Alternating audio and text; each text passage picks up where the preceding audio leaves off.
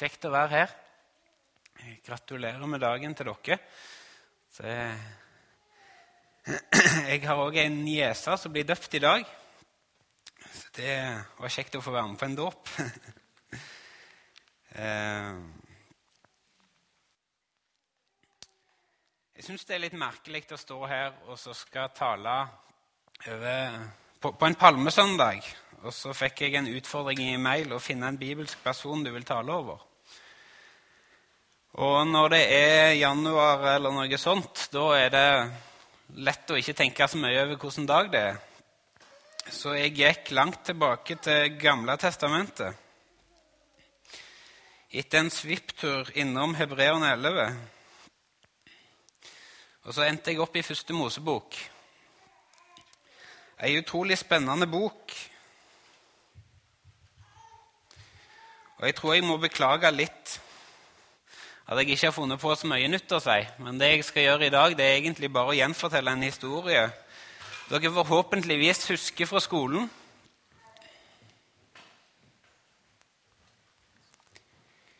Og så vil jeg trekke fram noen aspekter som jeg kom til å tenke på når jeg jobba med dette.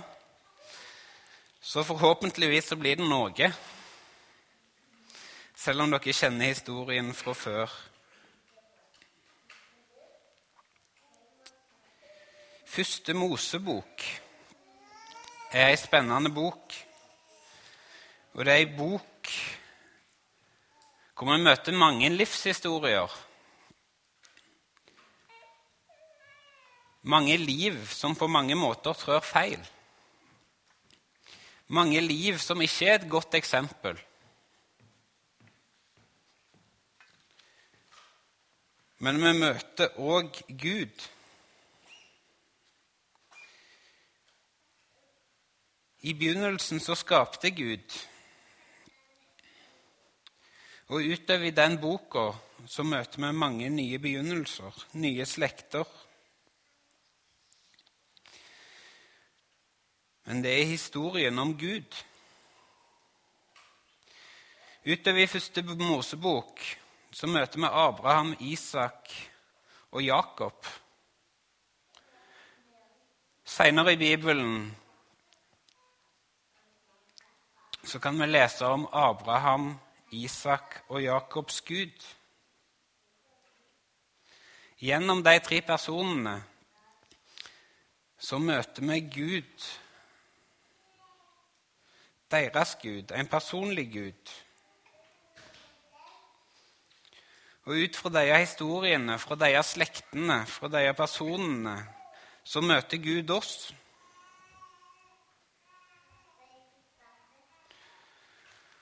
Og det var òg gjennom de historiene, sine forfedre, historier om Gud, at Josef møtte Gud. Og akkurat trosopplæringen i denne tida den har jeg lurt mye på hvordan var. Vi jobber vanvittig mye med trosopplæring i kirka vår i dag. Men hva lærte de på den tida om Gud? Hvis vi går til familien til Josef, så hadde han en oldefar som heter Abraham. Om han kan det sies mye fint. Men det var òg han som løy til kongen og sa at kona hans var sin søster, sånn at kongen tok kona til kone. Det var han som tvilte på Guds løfte om en sønn, og heller fikk et barn med trellkvinnen Hagar.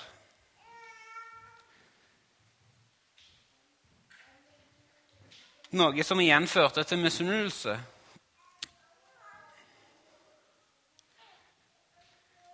Han fikk òg en sønn etter hvert som het Isak. Heller ikke han hadde bare familieidyll. I den familien så fikk foreldrene hver sin favoritt. Rebekka likte best Jakob, og Isak likte best Esau. Det ender med at Jakob og Rebekka lurer Isak og Jakob må flykte. Seinere lurer Jakob både onkelen Laban, som òg var hans svigerfar Eller Først så blir han jo lurt sånn at han må ta seg ei ekstra kone og jobbe syv ekstra år til han får den kona han egentlig ville ha. Og så lurer han han og stikker av med mye rikdom. Jakob var nok kanskje ikke den beste faren. Og det er muligens fordi han ikke visste hvordan en god far skulle være.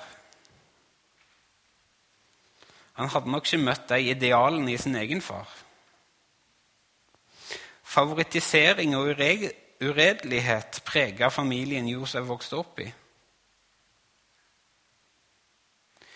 Jakob han elska ikke Lea, men likevel så var det hun som ga han seks sønner.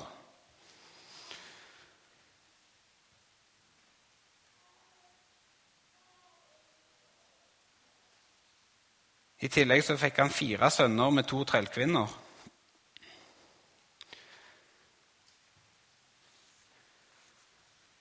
Før han igjen fikk to sønner til slutt med den kvinna han elska. Tolv sønner med fire damer. Og Jakob elska de to siste mest.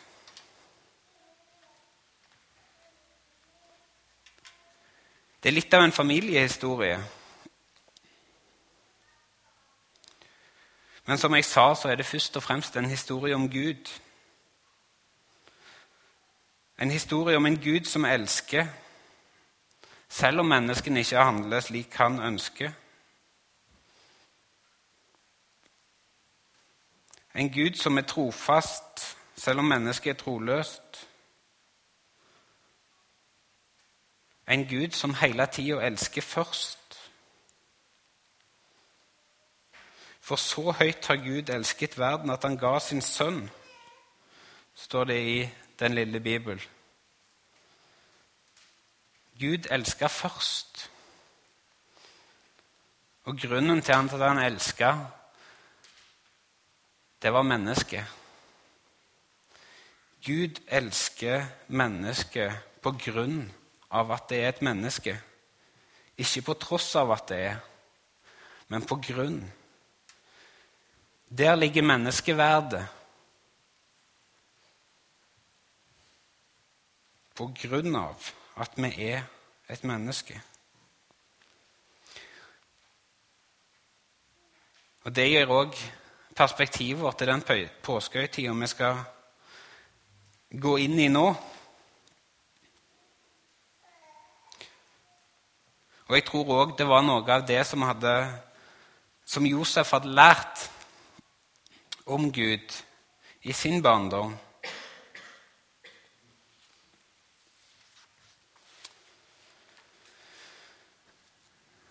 Josef han var ikke alltid like populær, han heller, holdt jeg på å si. Det står at han var en sladrehank. Han var favorittsønnen, han visste det nok. Og I tillegg så sladra han på brødrene sine. Det står at alt det onde han hørte om dem, gikk han til faren med. Israel, altså Jakob, var mer glad i Josef enn de andre sønnene sine fordi han hadde fått ham på sine gamle dager. Han laget en si kjortel med lange ermer til ham, men da brødrene så at faren holdt mer av ham enn de andre sønnene sine, la de ham for hat. De kunne ikke engang si et vennlig ord til ham. Det er jo ikke akkurat gode ord verken om Josef eller om brødrene, dette. Og kanskje lå det til familien. Jeg vet ikke. Men det synes likevel at tydelig at både Josef og faren hans hadde store drømmer for framtida til Josef. At Josef hadde store drømmer, det skulle vel ikke komme som en overraskelse på noen. Det er det til og med lagd en film om, en tegnefilm, som mange kanskje har sett. Og hvis dere har sett den, så kjenner dere òg godt til historien, som vi nå skal gå litt mer igjennom. Men det at Josef hadde drømmer, det gjorde det enda vanskeligere for hans forhold til brødrene. Og til og med faren refsa han for å, telle, for å fortelle om drømmene. Brødrene de la han for så sterkt hat at de ville drepe han. Og i bunn og grunn så var det kanskje bare én brors velvilje som gjorde at Josef overlevde, og at han heller ble solgt som slave til Egypt. Men for faren så var plutselig denne sønnen død.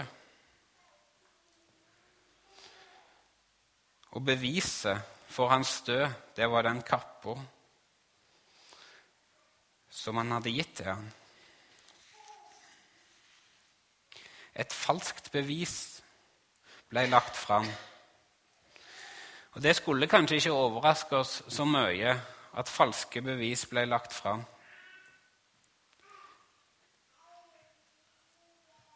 Det har skjedd både før dette og etter dette i kristendommens historie. Jesus òg ble dømt på falske bevis.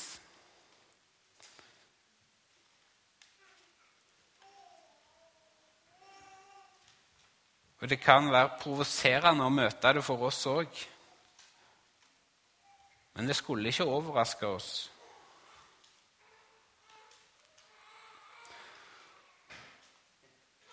Og Denne gangen var det rett og slett et klesplagg som var det falske beviset. Josef var død for Jakob. Men forholdene tatt i betraktning så hadde ikke Josef det så voldsomt ille. Han var heldig. Gud var med ham. Han var heldig med sin nye sjef. Han klarte seg godt på sin nye arbeidsplass. Han klarte å lære seg et nytt språk, og han klarte å lære seg en ny kultur. Josef var på mange måter en god misjonær.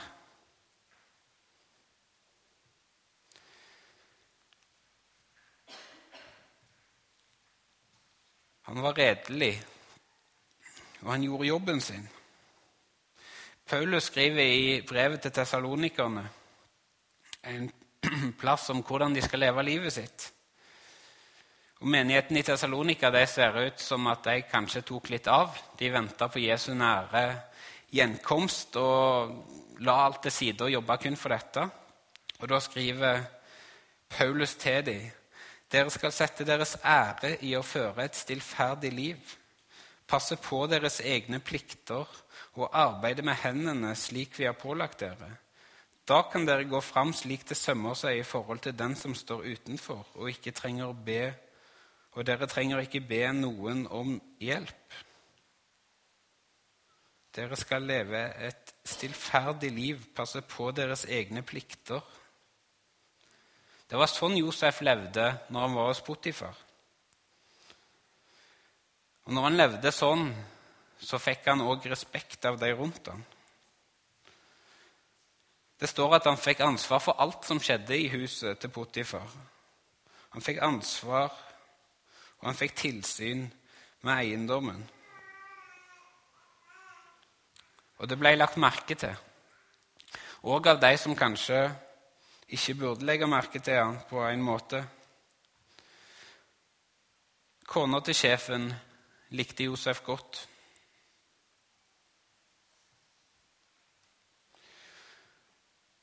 Men det hun ønska, det var ikke Josef villig til å gi henne. Og En gang så førte det til en liten slåsskamp hvor Josef vrengte av seg kapper for å slippe unna. Han kunne ikke gjøre dette mot sin sjef. Han kunne heller ikke gjøre det mot Gud. Han kunne ikke synde sånn mot Gud, sier han.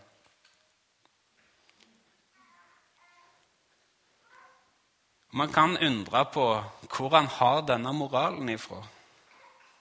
Når vi ser på den familien han var oppvokst i, så var det ikke alltid at dette prega moralen i familien. Hadde han lært dette hjemme? Men Josef kjente Gud. På en eller annen måte så hadde han blitt kjent med Gud. Og han holdt fast på det ordet han hadde lært. Han holdt fast på Guds ord. Moralen var forankra i Gud og Hans ord. Josef trodde på det han hadde lært om Gud, og sikkert òg av Gud. Det var noe fast i livet hans. Og det er nesten sånn som at Josef vant der Adam tapte. Og grunnen til det var at Josef ikke stilte spørsmålstegn med det Gud hadde sagt.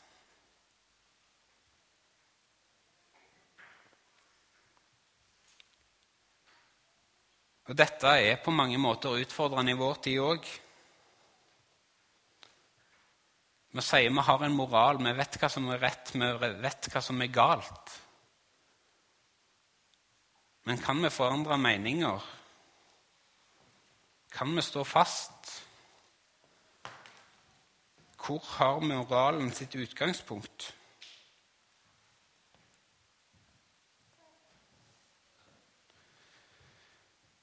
I kristendommen så er moralen forankra i Guds ord.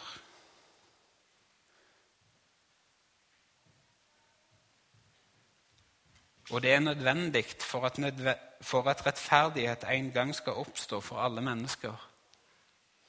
Guds ord står fast. Og det var det som sto fast i Josefs liv. Hans tro, hans moral, førte til et standpunkt. Og han ble stående. Og det er kanskje nesten litt ironisk at nok en gang så er det kappa hans som blir stående som et falskt bevis mot ham. Denne gangen så fører det falske beviset hans i fengsel.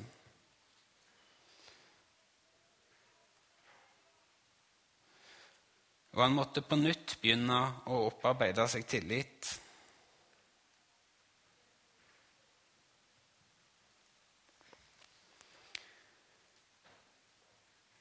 Og det viser oss litt av hans tro. At han igjen klarte det.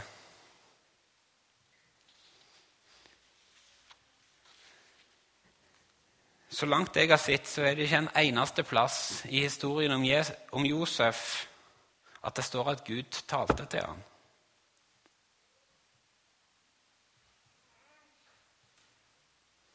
Og jeg tror at Gud tvert imot nesten må ha føltes langt vekke. For Josef hadde det nok ikke godt i fengselet. Men han gjorde det beste ut av situasjonen. Og etter hvert så opparbeidet han seg tillit og ansvar. Og Josef var usedvanlig god på drømmer. Han klarer å tyde drømmene til to medfanger.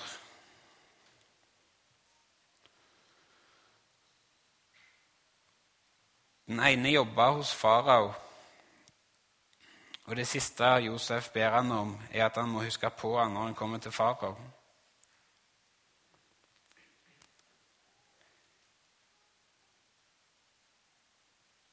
Men friheten til munnskjenken gjorde at han glemte avtalen, helt til farao sjøl fikk en drøm. Og Det står eksplisitt at det er to år mellom munnskjenken slipper ut til farao får en drøm.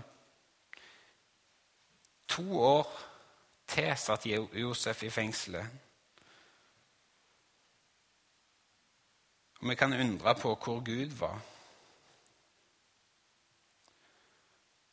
Men vi kan òg undre på hva som hadde skjedd hvis munnskjenken hadde huska han før.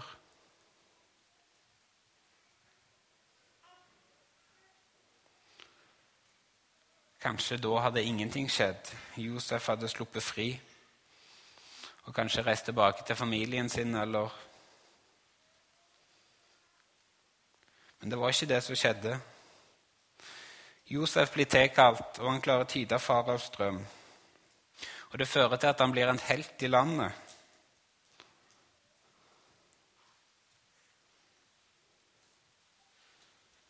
Han får mye makt i det landet som han tidligere var både en slave og en fange. Og da er det lett å se at Gud var med han.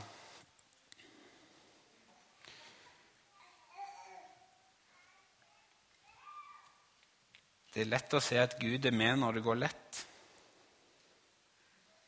når det går godt.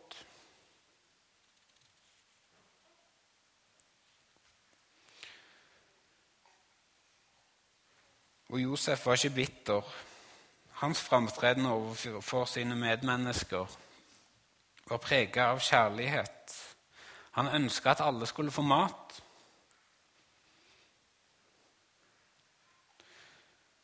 Og Det var kanskje nettopp derfor at brødrene ikke kjente han igjen når de kom for å tigge om mat. Men Josef hadde ikke glemt dem. Og da han fant ut at de angra, så tilgav han dem.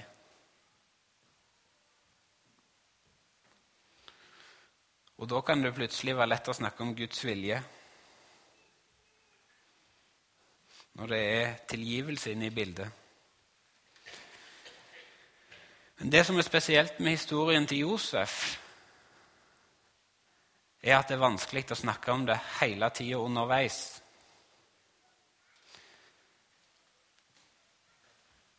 For han går på slag etter slag.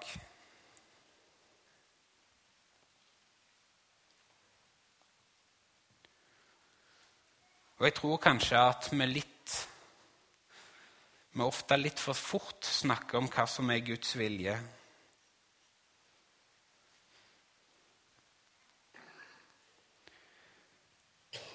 For det er nok sånn at Guds vilje er det Gud som kjenner. Og det er ikke noe et menneske skal legge på et annet.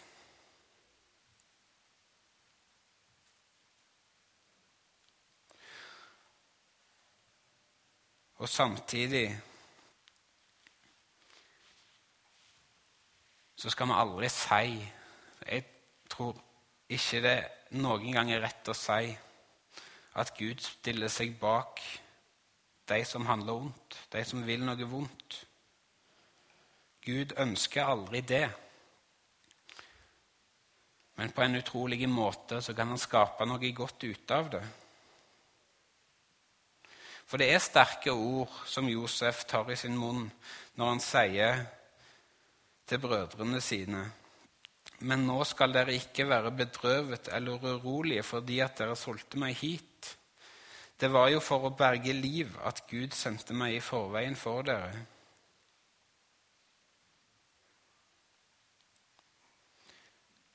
Guds vilje er ofte noe vi finner ut i ettertid.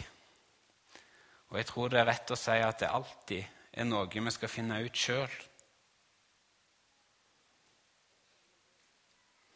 Josefs tro og liv viser oss at han satte andre mennesker høyere enn seg sjøl, og han satte Gud øverst.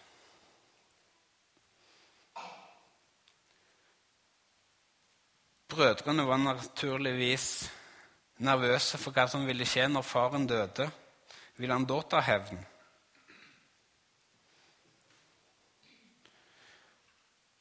Men Josef ville ikke ta hevn.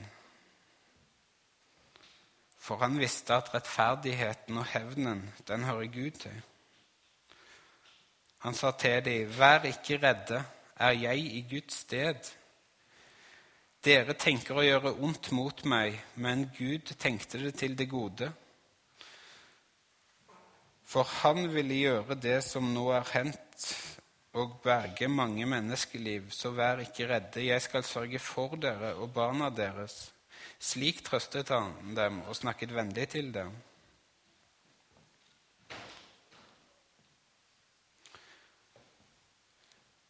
De hadde tidligere hata ham, men han gjengjeldte hatet med godhet og tilgivelse.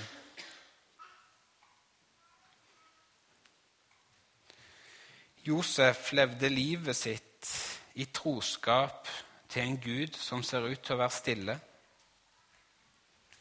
Gjør du?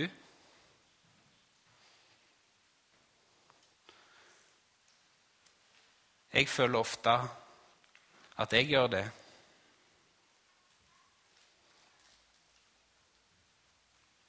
Og historien om Josef er til trøst, til styrke.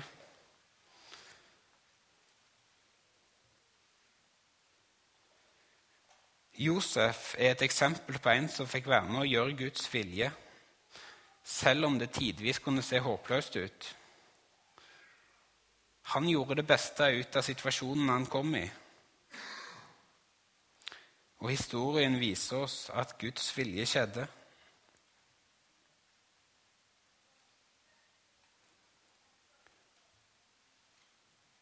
Og jeg tror vi kan lære mye av Josef sitt liv. Vi kunne bli flinkere til å gjøre det beste ut av situasjonen vi havna i. og overlate resten til Gud. Han som har lova å være med sine disipler.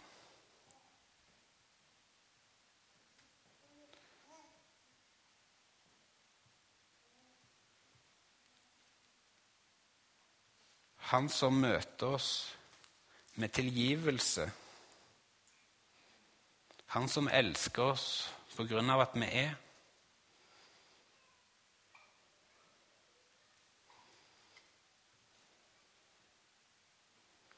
Historien om Josef sier mye om et fromt liv. Men det sier òg noe om Gud.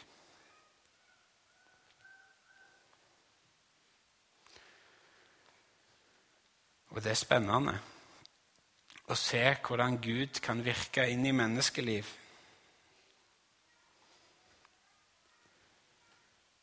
For to uker siden så kom jeg hjem fra en ferie i Peru. Jeg fikk besøk av noen venner som jeg har gått på skole med tidligere, som er misjonærer der ute. Eh, jeg fikk besøk av Sverre Hovda, som jeg skal overbringe hilsen til til dere. Eh, og jeg fikk være med på en tur langt opp på høylandet, til Crucero Eh, en by hvor har drevet arbeid lenge.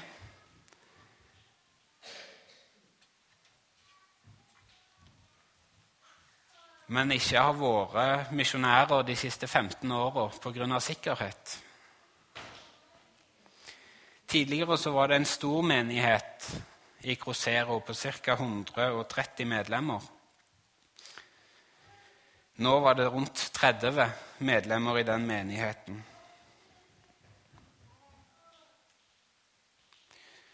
Og Det er ganske utrolig å komme til en sånn en plass. Byen ligger på 4100 meter, på ei slette. Midt på sletta, og så er det noen høye fjell rundt. En veldig fattig by.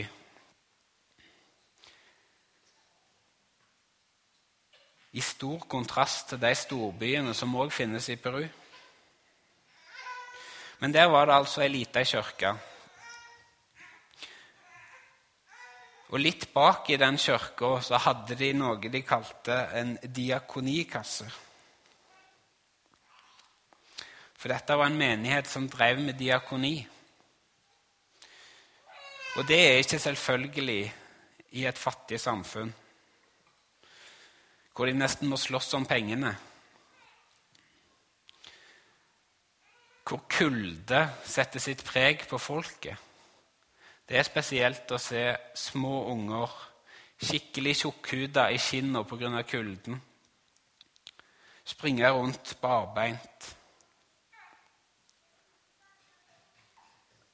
De trenger virkelig hjelp. Økonomisk hjelp. For de har ikke nok sjøl. Men de hadde altså en diakonikasse hvor det kom inn litt penger og på råd. Og jeg er veldig dårlig i spansk, men akkurat bibelhenvisninger det klarer jeg av og til å forstå. På en lapp over den diakonikassen så var det en henvisning til Matteus 25, hvor det står at 'det dere gjorde mot en av mine minste, det gjorde dere også mot meg'. Og I denne diakonikassa så samla de inn penger. Og I denne menigheten så var det folk som trengte ekstra hjelp. Det var ei dame som var så sjuk at hun ikke kom seg ut. Så da hadde menigheten fordelt dagene mellom seg hvor de gikk, gikk til denne kvinnen med mat sånn at denne kvinnen fikk mat hver dag. Ei annen dame i menigheten var blitt forsøkt drept av mannen sin. Mannen var nå i fengsel, og hun hadde seks unger hun skulle forsørge fra 14 år og nedover. Men menigheten tok ansvar.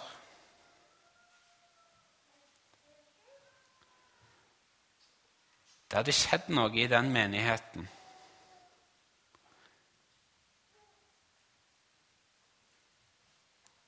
De hadde fått kjenne de Eller de har blitt kjent med Gud.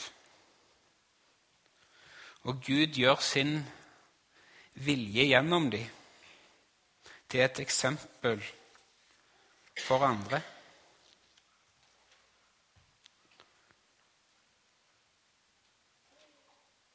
Sånn er sterkt å oppleve for en som kommer fra den rike delen av verden.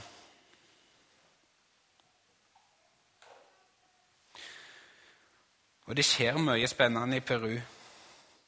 Setela, det teologiske seminaret, har nå flytta til Arequipa.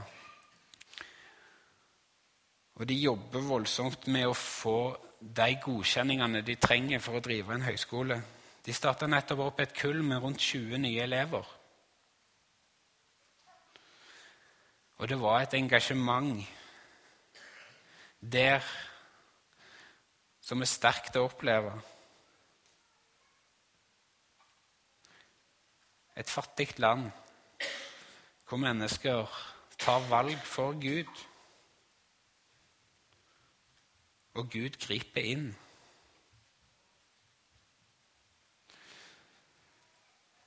Og Jeg kunne sikkert fortalt mye mer. Men det får være eksempler på hverdagslige ting som rett og slett gjør, gjør noe bedre for andre.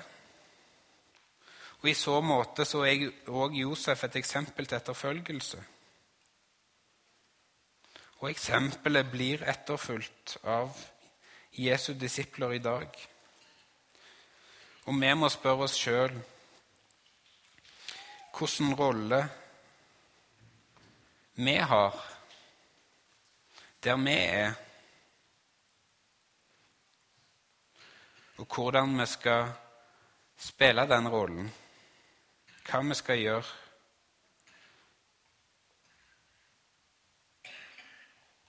Og Det første, første vi bør gjøre, er kanskje å gå til Jesus sjøl og spørre Hva rolle vil du at jeg skal spille? Der jeg er, der jeg kan få gjøre Leve mitt liv i stillhet og oppriktighet, i sannhet.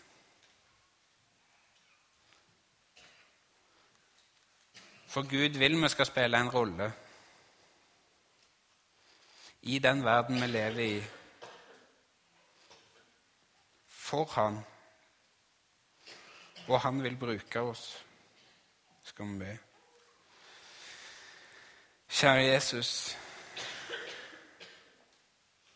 Takk for eksempelets makt. Og jeg ber om at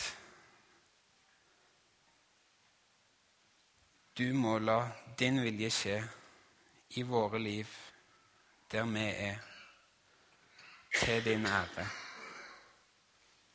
Amen.